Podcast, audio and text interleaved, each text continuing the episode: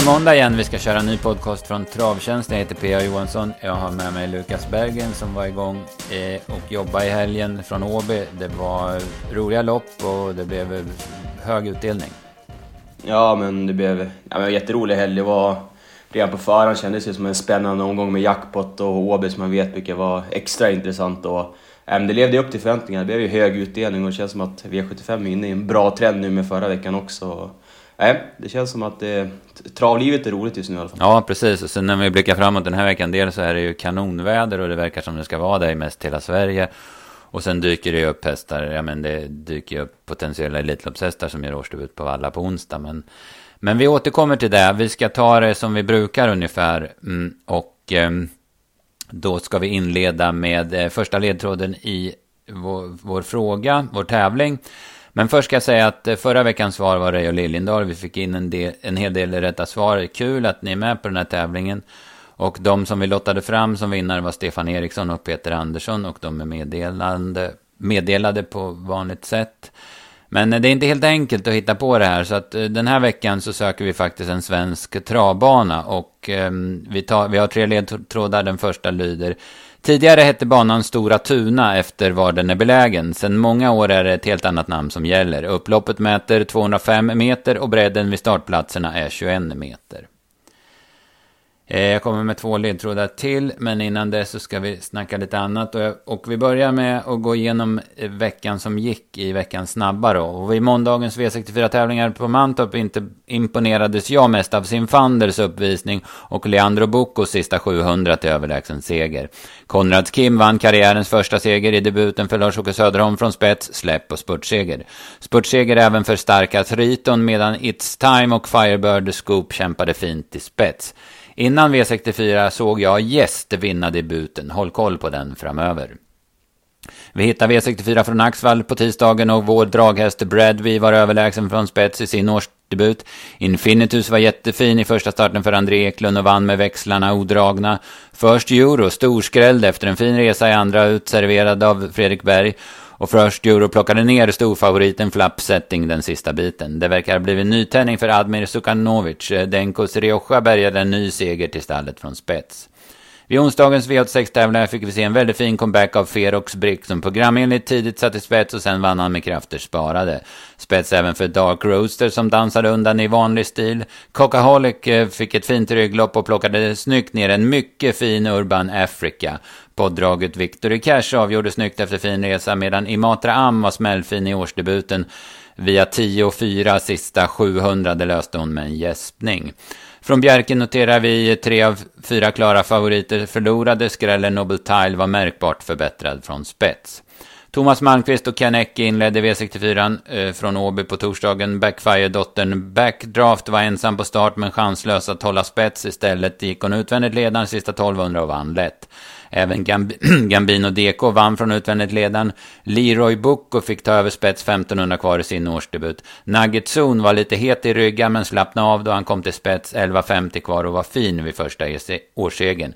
Emma Häggenäs avslutade vasst i säker seger efter loppet tredje ut.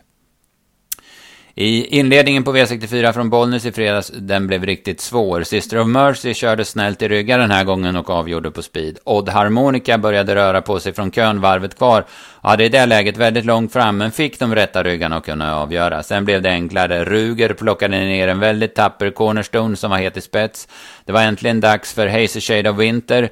Underbar och så fin vann från spets och Engsbrag utnyttjade åter sin speed. Sen skulle vi till Umeåker i söndags, men då blev det inställt på grund av banan. Ja, Lukas, eh, ska vi börja någonstans med V86 kanske, Ferox Brick? Där, där gillade man vad man såg. Ja, men det var ett jäkla intryck. Det var, det som man trodde att det skulle bli spets och få bestämma, men ja, han såg ruskigt läcker ut och travet flöt ju perfekt och man såg att men Anders Eriksson satt ju bara och kollade över högeraxeln när de skulle komma där ute, sen körde han undan snyggt och det blev ju väldigt enkelt så... Eh, det var en sån där vinnare man hade direkt med öppna listorna. Han blev ju en klassisk trendnäs på, trendnäs på V86 också. Han blev väl favorit i slut mm. nästan så... Mm. Ja, nej, men det var en jättefin insats och det är en häst man, man tror man kommer få se de större loppen i år, absolut. Ja, verkligen. Det blir spännande att följa honom och du säger, som du säger, han såg så himla fin ut också. Ja. Eh. Och, nej, men det var väl som sagt Bjärkloppen där också. Det var Ja, men det var ändå ganska bra klass och man fick ju mycket bra info där från stallbacken före. Från Mattias och de som jobbade på med Kleppenide och CC Easide och allt möjligt. Så eh, jag tycker ändå att det var en rätt rolig, rolig omgång i onsdag. Så det, vi kommer väl komma tillbaka till Norge nu när de kör på lördag också. Men mm. eh, även så många bra prestationer och en, en bra omgång. Ja, nej, men jag håller med verkligen. Det var bra, bra info man fick in där, så det, det, gjorde det hela lite lättare. Vad fredags, följde du något där? Cornerstone, jäklar vad hetsig han blev efter körningen från start. Ja, verkligen. Det är inget man har sett av honom förut riktigt, men han bara fick lägga sig nästan raklång där i, i sulken och bara drog iväg och höll ju, man tror ju 700-800 kvar att han nästan skulle svimma i ledningen, men han höll ju otroligt bra och sen var det också en klar bra insats av Malin Bucke, där Wäjerstens nyförvärv från Berg som man verkligen gillar, så den ska man ju hålla koll på framöver. Och som sagt, Ruger fick ju bra lopp, men nej, det är en jäkla roligt att han fått fram en ny, en ny sån här bra häst också. Man har ju på honom att han verkligen gillar den. Mm. Ja, man gillar den där hästen. Han är liksom, har det mesta, så det, det blir mm. spännande mm. att följa. Annars så, torsdags, Malmqvist där, två raka.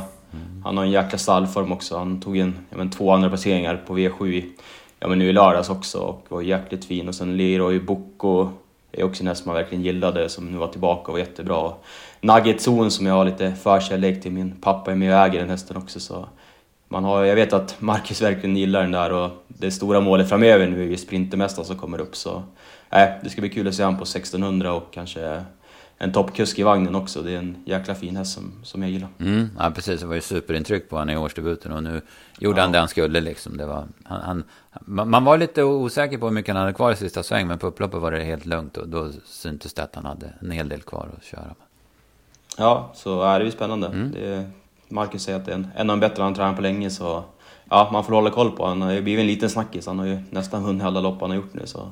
Och just det intrycket där i årsdebuten var ju nästan bland det, bland det värsta man sett på länge. Det var en jäkla spurt alltså. Så, nej, Sprintermästaren stora målet, det får väl bli om det blir derbyt som blir nästa kanske. Ja, spännande. Det har, ni, det har eh, din farsa och Marcus och de lite att suga på framöver. Absolut. Ja. Eh, bra, så ska vi gå över på V75 från Åby i lördags då. Men innan dess så ska jag ta ledtråd 2 så tar vi den sista efter V75-genomgången. Och ledtråd 2 då låter så här. Einar, Lång-Einar Johansson var banans stora tränare och do dominerade även kustchampionaten på 70-talet innan en viss Jim Frick tog över och blev totalt dominerande under en herrans massa år.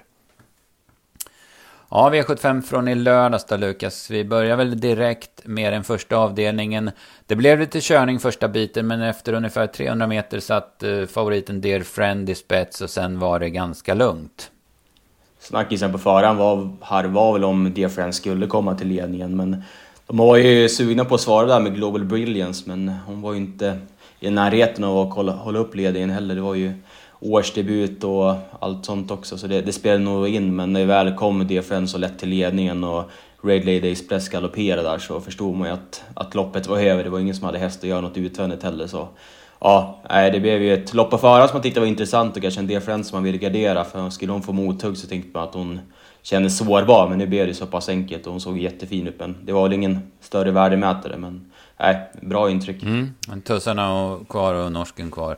Eh, från starten, Chablis Ribbe var ju ruggigt snabb. Det är som du säger, det fanns ju inte en chans i världen för Global Brilliance att hålla upp. Men sen är ju, ser det ut som Red Lady Express är på väg att ta över. Men i min värld så kör inte Erik Adielsson i spets. Även om hon inte galopperar. Vad, vad, vad är din feeling om det? det? Det tror inte jag heller. Just som att det var men den hästen och, som betyder så mycket för, för det stallet också. Årsdebut och allt möjligt. Känns som att man vill ha en häst för framtiden. Så nej, absolut. Jag tror också att man hade släppt med henne och sen var det ju oturligt att galoppen kom när det var väl hennes andra galopp i karriären. Hon galopperade ju i Oaks där också men det är ju en häst som jag inte tyckte var, var så osäker förut så nej, jag tror också hon släpper. Mm. Så det hade mm. nog blivit det för en oavsett ledningen och nej, men idag som loppet blev så kunde ju absolut ingen utmana Nej, nej precis, det är det som du säger.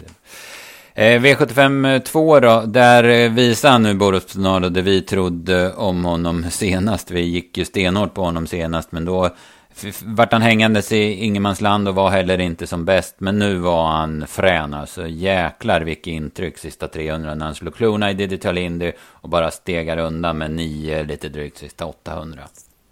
Ja, det var absolut ingen snack och det var som du sa, det var en jäkla feeling för han senast att, att han skulle vinna och man spikade nästan på allt och sen när han var så pass sämre ändå. Han såg inte riktigt fräsch ut. De sa väl efter att han hängde lite töm och allt möjligt. Alltså blev man ju ändå lite ante nu inför den här starten. Men även biken och barfota gav en jäkla effekt. Och vår kille på plats där också som rapporterade fick ju se när han körde till där i biken i värmningen mellan 6 och 300 kvar och nere i 12 tempo såg då jäkligt fin ut. Så ja, då förstod man väl att han skulle vara förbättrad och som sagt han fick ju en fin resa men när, när han liksom ytter tredje spår och skulle avgöras så var det ju absolut inget snack. Och, nej, han vann ju enkelt och var jättefin. Mm, nej men verkligen, det var, det var kul att se för det där är ju en men man tror i alla fall att det där är en riktigt bra häst om, om, om man får till honom och att han håller sig fräsch. Då. Verkligen. Eh, Malmqvist, Kennecke, Al Alert Vendil, en liten relativt enkel häst som gör det väldigt bra, spurtar jättebra som trea. Och Digital Indy håller väl liksom pliktskyldigast som trea tills, från spets då.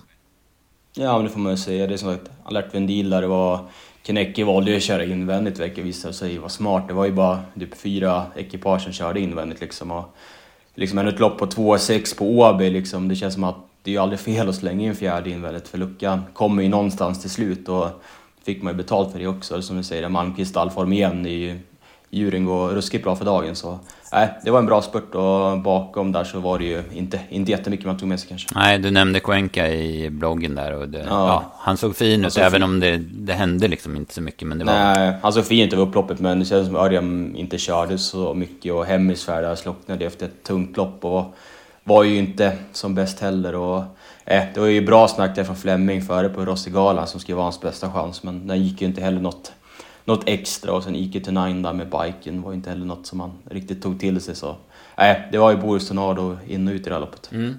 Ja, jag håller med. V75 3, då så var ju den stora snackisen på förhand. Disco Volante med helstängt huvudlag. Vi lyckas väl forska fram att det var väl första gången någonsin. Och eh, ja, men han öppnar i alla fall som, som en raket och varvar på 9-4 och håller väl anständigt men var ju chanslös att stå emot de, de hästarna som han föll bakifrån. Ja, man trodde väl att Disco skulle vara liksom förbättrad från senast när han inte alls var på topp. Och säkert med den infon och barfota och lite, lite värme i luften så kändes det som att han skulle springa fort i ledningen. Men det blev väl lite för mycket där med det helstängt och han drog iväg med några lite för snabbt för första 500-600 meterna. Och ja, man såg ju när de slängde in på upploppet att han inte skulle vinna. Och, nej, det var ju sagt ett lopp på förhand som ändå innehöll ganska mycket roliga hästar med Haram Boko som kom efter vila och Upstate Fates också det var ju en situation, inte en situation, men det blev en situation när Haram Boko galopperade när Norström egentligen bara skulle dra i högertömmen och avgöra. Han såg ju ruskigt fin ut. Men då galopperade han och då blev det ju Flemming som vann istället som satt i, i rygg på denna. Så ja, det var åldermannen som avgjorde. Mm, ja, precis. 12 år och var, ja, men har en ganska tuff karriär bakom sig och 5,5 miljoner. Så det är snyggt att hålla den i sån ordning. Och eh, avgjorde ju på väldigt bra sätt också. Lite drygt nio sista 800. Så det var bra. Holy Water, ny Malmqvist går jättebra. Han viker ju invändigt i sista sväng och går jättebra. Inte så stort slagen som tvåa. Men eh, däremot så var ju Stolder Show en klar besvikelse tycker jag. Ja, verkligen tycker jag han var absolut en av de som floppade mest under hela dagen. Han fick ju ett jättefint lopp, alltså det var inget alls att skylla på. Men då Upstate Face i rygg som liksom årsdebut och man låg lite lågt, plockade ju flera längder på honom och gick förbi över upploppet också. Så nej, Stolly Show var inget extra men jag tog verkligen med mig det Upside Face som den såg ut också och den avslutningen. Det känns som att ja, men den utvecklades så kopiöst mycket i slutet förra året. Och, nej, det känns som att det kan vara en trevlig krydda i storloppsloppen, eller storloppen framöver. Ja, nej men jag håller med. Det, det var häftigt. Sen var, var ju, men Pacific Face hakade på jättebra också där bakom. Ja, jag har för mig att det var, att det var första bike där som mm. var aviserad mm. och det blev det också. Så. Ja. Ja, nej, men den att den kan få någon sån här lopp i kroppen och gå ut på någon längre distanser framöver, det ska man absolut eh, ha koll på. Det. Nej, han såg fin ut. Mm. Så hade vi ett diamantstorförsök som där det blev skräll. Lista Stingeling. Hon gick ju bra i, i skymundan senast på Kalmar. Eh, eh så de var inte helt omöjlig men ändå var 5% och vi hade den en bit ner i ranken. Vi trodde ju på Magical Mile, men hon kom ju inte iväg någonting från start och sen fick en väldigt stökig resa där. Så att höll ju bra. Blev tvåa i mål, eller var trea i mål, men blev tilldömd andra platsen då sen Lisa Licia galopperade. Men det var, kändes ändå aldrig med chans efter den där tappstarten. Nej, men det var som du säger att Lise Lisieux som stod 20 efter, stod väl 20 före efter några hundra meter bara var känslan liksom så.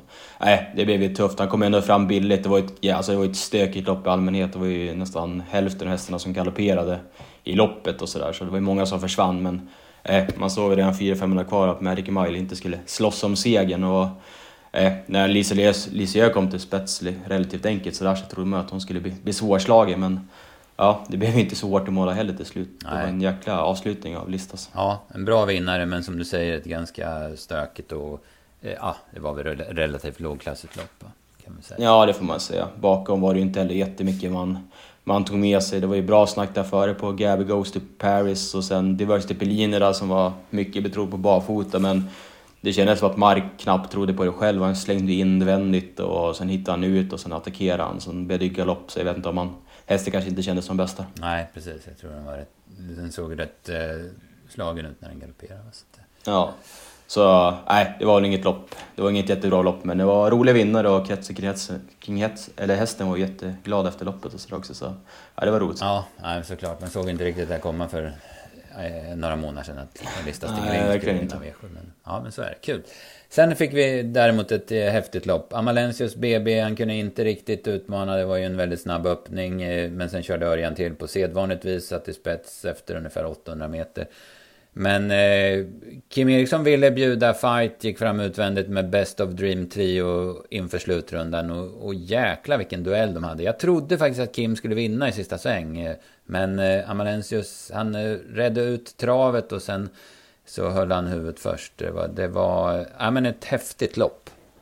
Ja, utan tvekan. Ja, men helgens höjdpunkt. Alltså, det var, som du säger, den upploppsställen mellan de två, liksom hela sista 500-600, man kände att de bara drog iväg. Alltså, ja, ruskigt, ruskigt fina hästar. Och jag trodde också här i sista svängen att det känns som att han plockar ner men man vet ju hur han är också. Man ser att det är ju inte helt slutsålt liksom. Han sitter mest bara och bär och sen kommer han ju tillbaka och ja, men vinner med med, med huvudet liksom. Så, äh, det var jäkla, jäkla bra prestationer från båda. Mm. Ja men verkligen, två kanonhästar. Jag, jag läste där att, eh, jag var inte med på det, jag såg, hörde inte det själv, men han var visst såld mm. Best of Dream Trio va?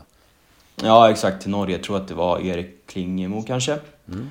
Så det är ju tråkigt, det känns som att det har ju absolut blivit en krydda på E75 med. Jag minns att den senaste och den här, det är en, som jag skrev, det är en häst man tar till sig, han är så jäkla liten och häftig liksom. Så nej, det är någon man hade velat se på V75 framöver, men jag hoppas att de tar hit honom kanske under Elitloppshelgen. Mm, man får gärna starta någon mer gång i, i brons här, för att han, han, står ju, han hade ju precis gått in i klassen så att han var inte alls, stod, stod jättedåligt inne så att han kan ju tävla på lite grann i brons. Ändå... Ja exakt och sen finalerna på, på Valla. Mm. Jag antar att man borde vara intresserad av att komma hit. Ja, alltså, ja. Han, gör, han gör ju inte bort sig liksom så eh, där får man ju se honom. Då får man väl se mot Amalensius igen. Det, äh, det känns som att Broms är eh, en rätt rolig mm. klass för dagen också. Mm. Ja, sen vet jag från Italien att han är rätt kvick från start också, Best of Dream Ja, exakt. Nu har han haft bakspår två mm. gånger. Spår, spår 12 i båda, Precis. så det är absolut kul att se. Han, ska han liksom komma till spets så är det ju inget som släpper till Amalensius i alla fall. Nej, nej precis. Och man hörde det på Kim efter att han verkligen gillar hästen också. Ja, ja. st stora hyllningar så, nej, det var väl dagens höjdpunkt, får man säga, den delen. Mm. Amalensius då, om vi ska ta lite mer om honom. Han eh, är inte hundra fläckfri, men det var väl ändå lite bättre nu än när han vann finalerna för eh, ja, en dryg månad sedan. Tyckte jag i alla fall. Ja, det tyckte jag också. Han, årsdebuten, det var väl ja. det bästa liksom. Mm. Och sen var det ju sämre senast. Så det fanns ju lite att spekulera i att, att han såg sämre ut senast. Så han hade ju ingen jätterolig historik på barfotan heller. Det var väl fem och sju galopper eller något. Men äh, känns som att han har, han har mognat och Örjan vet ju vad han håller på med. Han tar ju bara liksom piano från start och sen vet han att när krutröken har lagt sig där framme så kör han ju till och får överta liksom. Så, eh, det blev ju lätt, relativt lätt till ledning ändå. Så sen, eh, jag tycker också att han såg, så bra ut. Mm.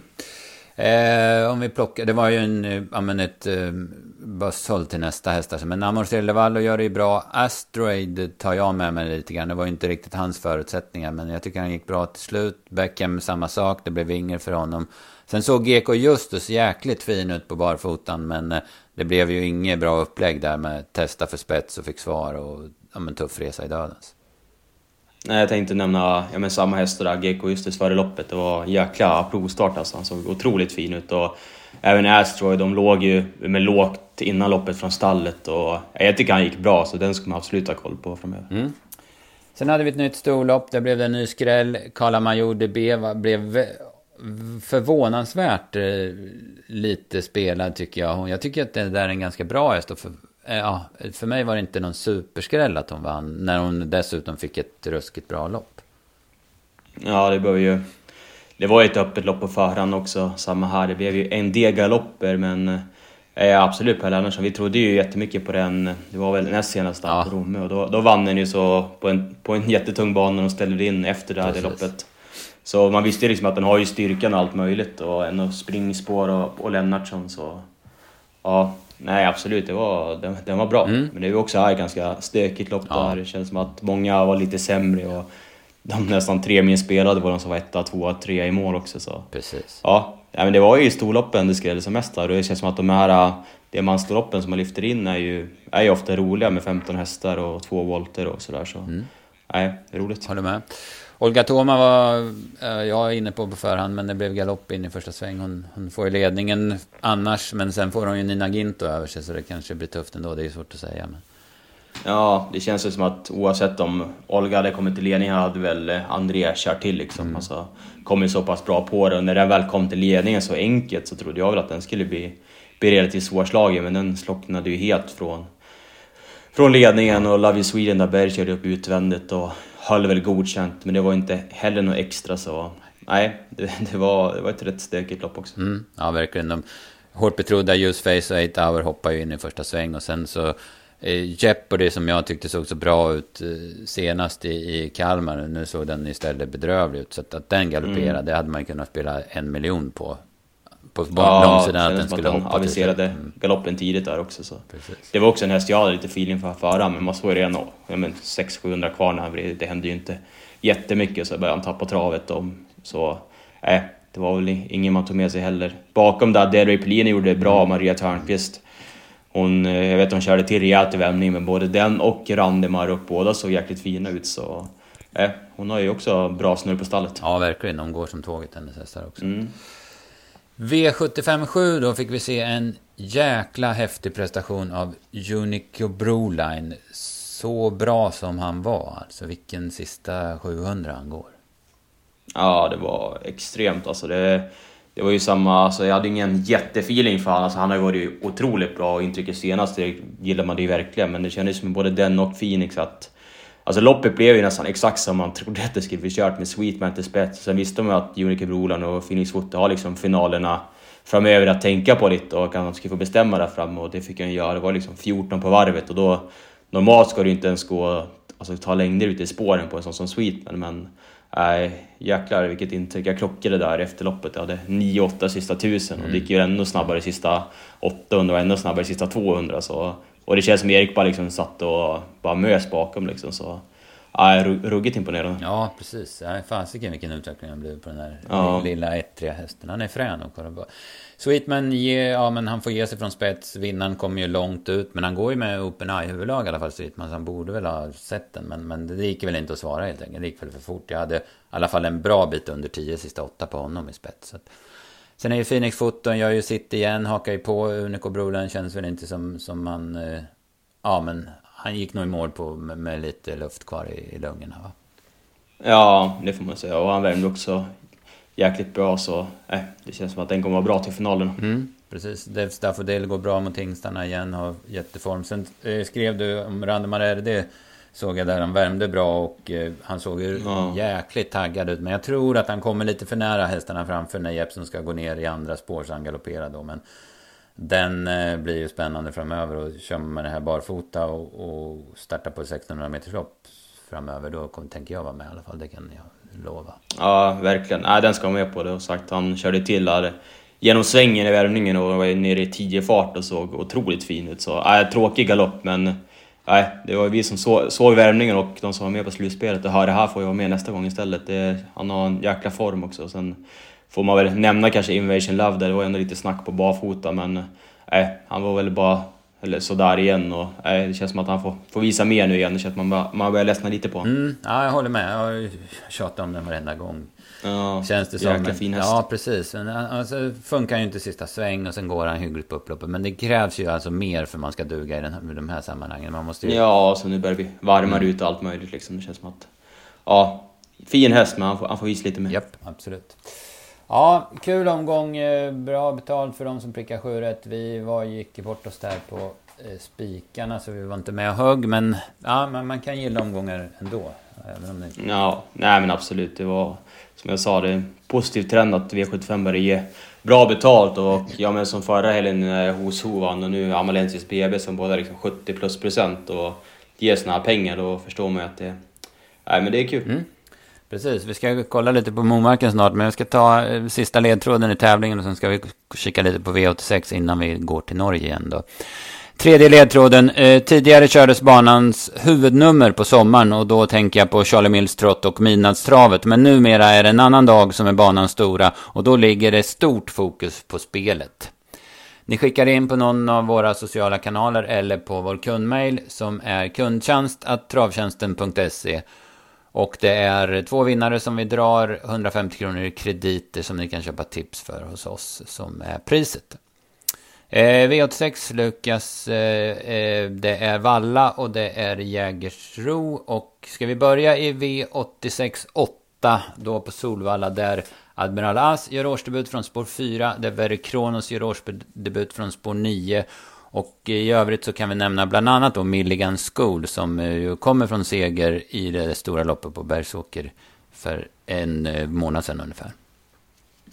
Ja men det är ju absolut en höjdpunkt under veckan och som sagt man brukar ju, vissa brukar säga att jag menar, vårtecken kan vara att det tinar ut eller att blommor eller svanar kommer eller vad som helst men för oss travspelare så är det ju när de, när de här hästarna kommer ut i startlistorna vet man att det, det börjar bli vår och absolut man längtar ju verkligen till det loppet på onsdag. Det ja, ruggigt fina hästar. Det är två, två av mina favorithästar. Mm, ja, verkligen. Verkligen som väl vi på Travtjänsten trott på i stort sett. Ja, I alla fall 50 av de 52 loppen han har gjort. Så att, men sen möter Ja, han verkligen. Admiral Las den här gången som har mycket bättre läge också. Ja, exakt. Och så man ser ur någon spelsynpunkt så tror jag väl absolut, mest på Admiral Las. Han känns som att Reos hästar och just han också efter vila med, han har ju haft en lite historik, kunna vara lite ofräsch ja, men emellanåt så, nej, absolut. Det känns som att Verre Kronos där, Erik lär ju köra, köra passivt och köra till slut så det borde vara fördel Admiral As. Mm. Ja, men jag håller med. Absolut. En och en halv månad till Elitlopp. Ja, men häftigt att se de här. Ja, nej, man hoppas egentligen bara att båda ser fina ut liksom så att, att båda liksom fortsätter planeringen mot Elitloppet. Det får man ändå anta är de stora målen för båda, båda hästarna. Ja, ja, men precis. Verre var ju med i fjol och Admiral Las är väl det man har snackat om sen han typ började tävla, på. Ja, men verkligen. Och ska bara säga det, han vann ju årsdebuten förra året också, Admiral Asta, på Gävle. Det var ju i, men i 22 maj om jag inte minns fel. Ja, okej. Då var han ju jättefin också, så ja, han, han brukar ju vara bra efter vila. Så. Mm. Ja, men precis. Om vi ser eh, spel, mer spelmässigt på det så jag har börjat forska lite speciellt i Jägersloppen och då tänkte jag på V861. det ser jag barfota bak på Ture LA. Det är bra grejer för honom. Han har gått så två gånger och funkar jättebra. Men vi har ju bränt oss lite på honom eh, några gånger här och vi får se hur vi behandlar honom den här gången. Men det ser ju ut som en rätt så vettig uppgift i alla fall. Sen är V86.3 tänkte jag på en grej. Jag måste forska lite mer i spetsstriden och måste kolla lite vad man säger om dagsstatus. Men Larry Wood, den, den blev jag ruskigt imponerad av när den vann på Jägers 12 oktober. Den kördes till ledningen då och såg smällfin ut. Och jag tänker, en i den författningen och sen finns det... Det är inte omöjligt att han kommer till spets, då känns han ju stekhet. Men, men det får vi kolla lite. Men det så här får bli min tidiga, mitt tidiga drag i alla fall på, på V86. Ja, nej, men det är också en där jag, jag verkligen gillar också, så absolut. Och sen, ja, men övriga lopp, den där Southend Boko kom ju tillbaka Mm. efter, eh, det är årsdebut och så att det var anmält med barfota och bike, så det är, det är ju spännande. Den mötte ju B-Winner där, ja men senast när den var tvåa, då stod den väl 1.30 och B-Winner stod väl i, om det var 16 gånger eller något så. Ja, två spännande hästar som återkom efter vila. Den där Kentucky Derby gör ju årsdebut så. Ja, det är återigen så att det är många, många fina hästar som kommer tillbaka nu och börjar starta igen så man får se där vad, vad presenten landar i också. Men Southwind Boko med de ändringarna är såklart spännande. Mm. Ja, nej men precis. Det är, det är fina hästar. Riktigt bra hästar. Så det... Eh, ja, men superbra. Eh, ska vi kolla lite på, på V75 från Momarken då? Det, eh, det många hästar i många utav loppen och det är bra klass på de norska. Jag tycker det känns som man har eh, tagit fram det man kan från, från norskt håll. Och det reser faktiskt en hel del svenska hästar dit också. Och det är en hel del bra svenska hästar också. Ja, men vi sa väl innan vi började spela in att det kändes som att det var absolut en, ja, men en rolig omgång, men ändå liksom bra blandning av bra norska och bra svenska. Så äh, det blir ju en del jobb att, att göra i arkivet och snacka med de aktiva, men nej, äh, 3.50 nästa slopp, fulla fält. Det, det, är dumt att klaga i alla fall. Mm. Och, nej, jag tycker det ska bli intressant. Ja, verkligen. Jag ska faktiskt åka dit om det inte händer något konstigt okay. i, i världen eller sådär. Så, så ska jag vara på plats och kolla värmningar och sådär. Så det, det blir kul. Momarken är en jäkla speciell bana med sina eh, snäva, väldigt snäva kurvor med långa raker. Så det, det, det gäller att man har häst med bra teknik. Alltså det har man ju lärt sig. Och man ska helst vara med där framme också. För det, man får ingen fart med sig ur sista sväng. Va? Så att, eh, men det, ja, det får man ju ta med sig i, i um, analyserna. Så. Ska, vi, ja. ska vi snacka lite V753 som är kallblodsloppet? Det var, ja, men jag reagerar ju på det. Där, där är ju, kommer ju Odd Herakles bli dyngfavorit, tänker jag, på, på sitt namn. Och han har ju ett lopp i kroppen. Han är tillbaka i Norge nu. Han startade i onsdags innan V86. Så vann han knappt eh, från spets. Det står i norska travfaktan att han gick 19,7 sista fem, så det stämmer säkert. Men det var ju inget sådär som han, wow, Trollsolen höll ju på att slå han från dödens och han är med här igen. Och Todin släpp, släppte spets och satt fast i rygg och står 20 före den här gången. Så att, ja, det kan man ju spekulera. Ja, jag såg bara upploppet där senast när han vann och han fick ju ändå dra norsken med inte missminner mig heller. Och så, så han var ju, sagt, han var ju seg och som sagt Toren stod ju ändå i ja, men åtta gånger pengarna mot, mot Oderakle senast och, och satt fast med sparat. Så man hoppas ju att, skulle den komma till spets så att de bjuder upp till ja, men kamp i alla fall. Jag tror ändå att Oderakles är inte jätte, jättevan med de här förutsättningarna. Att liksom, kanske behöva gå ut i spår och runda hästar heller. Så. Mm. Ja, no Notera där, det är voltstart det här loppet och det är några mer eh, voltstartslopp. Men i Norge får man alltså köra med, med jänkarvagn. Även i voltstart. Yes. Så det, och, det, och jänkarna, eller norrmännen gillar ju jänkarvagn. Det, så att, eh. ja, verkligen. Mm. Så här, det ska man ha koll på. Sen har de ju lite annorlunda med en voltsystem där också som man, man ska ha koll på. Precis. Han har spår 7 Eh, på sin volt där och Herakles. Och det är ju springspår precis som i Sverige då. Men det är 5, 6 och 7 har ju springspår. Och vad jag har förstått så är 5 bäst, 6 näst bäst och 7 kan bli lite bökigt. Och sen vet jag ju att det brukar bli en jäkla massa omstarter i voltstartsloppen på Momarken. Speciellt om det är en del svenska kuskar inblandade också. Så eh, det ska ja. man också ha med sig. Va? Yes. V75 4, eh, storlopp, 15 hästar, men vi, där hade vi väl ett drag va? Så här bara när eh, listorna var heta. Ja, men verkligen. Känns man skannar ner de hästarna. Sen tog man en efter en och kände inte igen jättemånga av dem. Sen kom man ju till 20 förhållandena där. Nummer 6, Bahama Passion. Det var ja, jäkla avslutning senast och det är en häst som var ute ja, men mot kulltopparna förra året. Gjorde det jättebra också så. Eh, det känns ju som en tidig vinnare. Mm, ja, precis.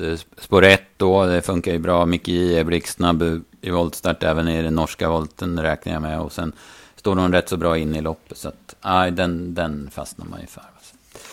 Absolut. Guld då, V75s eh, sjätte avdelning. Det var, inte, det var inte det tuffaste guldloppet. Vi hörde ju Jörgen Westholm sa när han var med i podden att han skulle dit med Remarkable Feet och han fick spår 5. Men eh, även om Remarkable Feet är snabb så Känns kanske jobbigt att ta en längd på Chapuis som dessutom är anmäld med bike. Vi får väl se om det blir så. Men så här bara spontant så kan jag inte minnas att han har gått. Eh, Åke har ju någon multicam-vagn där som han brukar använda. Mm, exakt. Så, eh, ja, alltså Remarkable Feet, det var en jättebra insats senast när han plockade ner disco. Men det var ju som sagt bara... Det gick ju inte överdrivet fort heller och det var ett rätt dåligt lopp så man ska väl inte ta allt för mycket på den prestationen, men jag är ju helt inne där också på Chapuis. Det känns som att nu är den med ja, men med sport 2, barfota igen, ska det bli bike och sen... Han har ju en bra teknik som borde kunna passa på den här banan också. Från ledningen på 1600 i ett jäkligt, ja man får säga det, trött liksom gulddivision så... Nej, om man öppnar listan så här på måndag så känns det som att Åke hela vägen. Mm. Ja, jag håller med. Ser bra ut för, för Chapuis.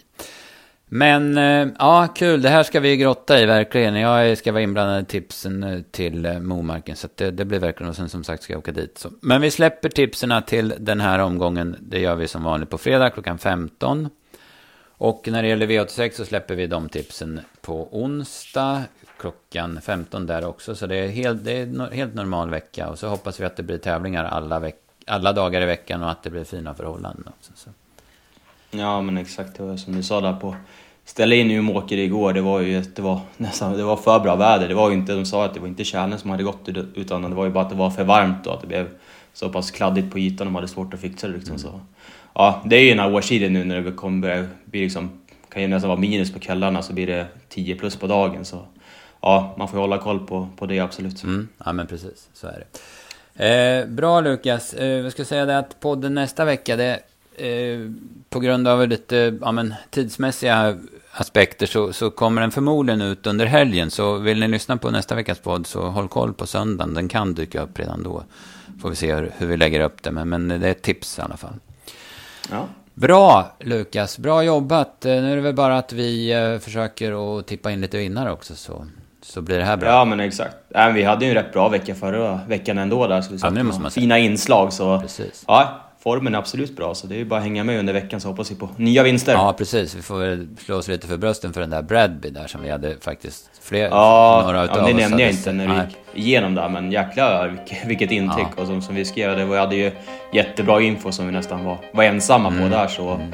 ja, det lönar sig ibland att, att, att, att följa med. Ja, men absolut. Det tycker jag ni ska göra. Jättebra, då, då kör vi. Svara på tävlingen om ni har någon idé om vilken bana vi söker och så, så hörs vi nästa vecka någon gång då. Ja, det gör vi. Bra, Hejdå. tack, hej.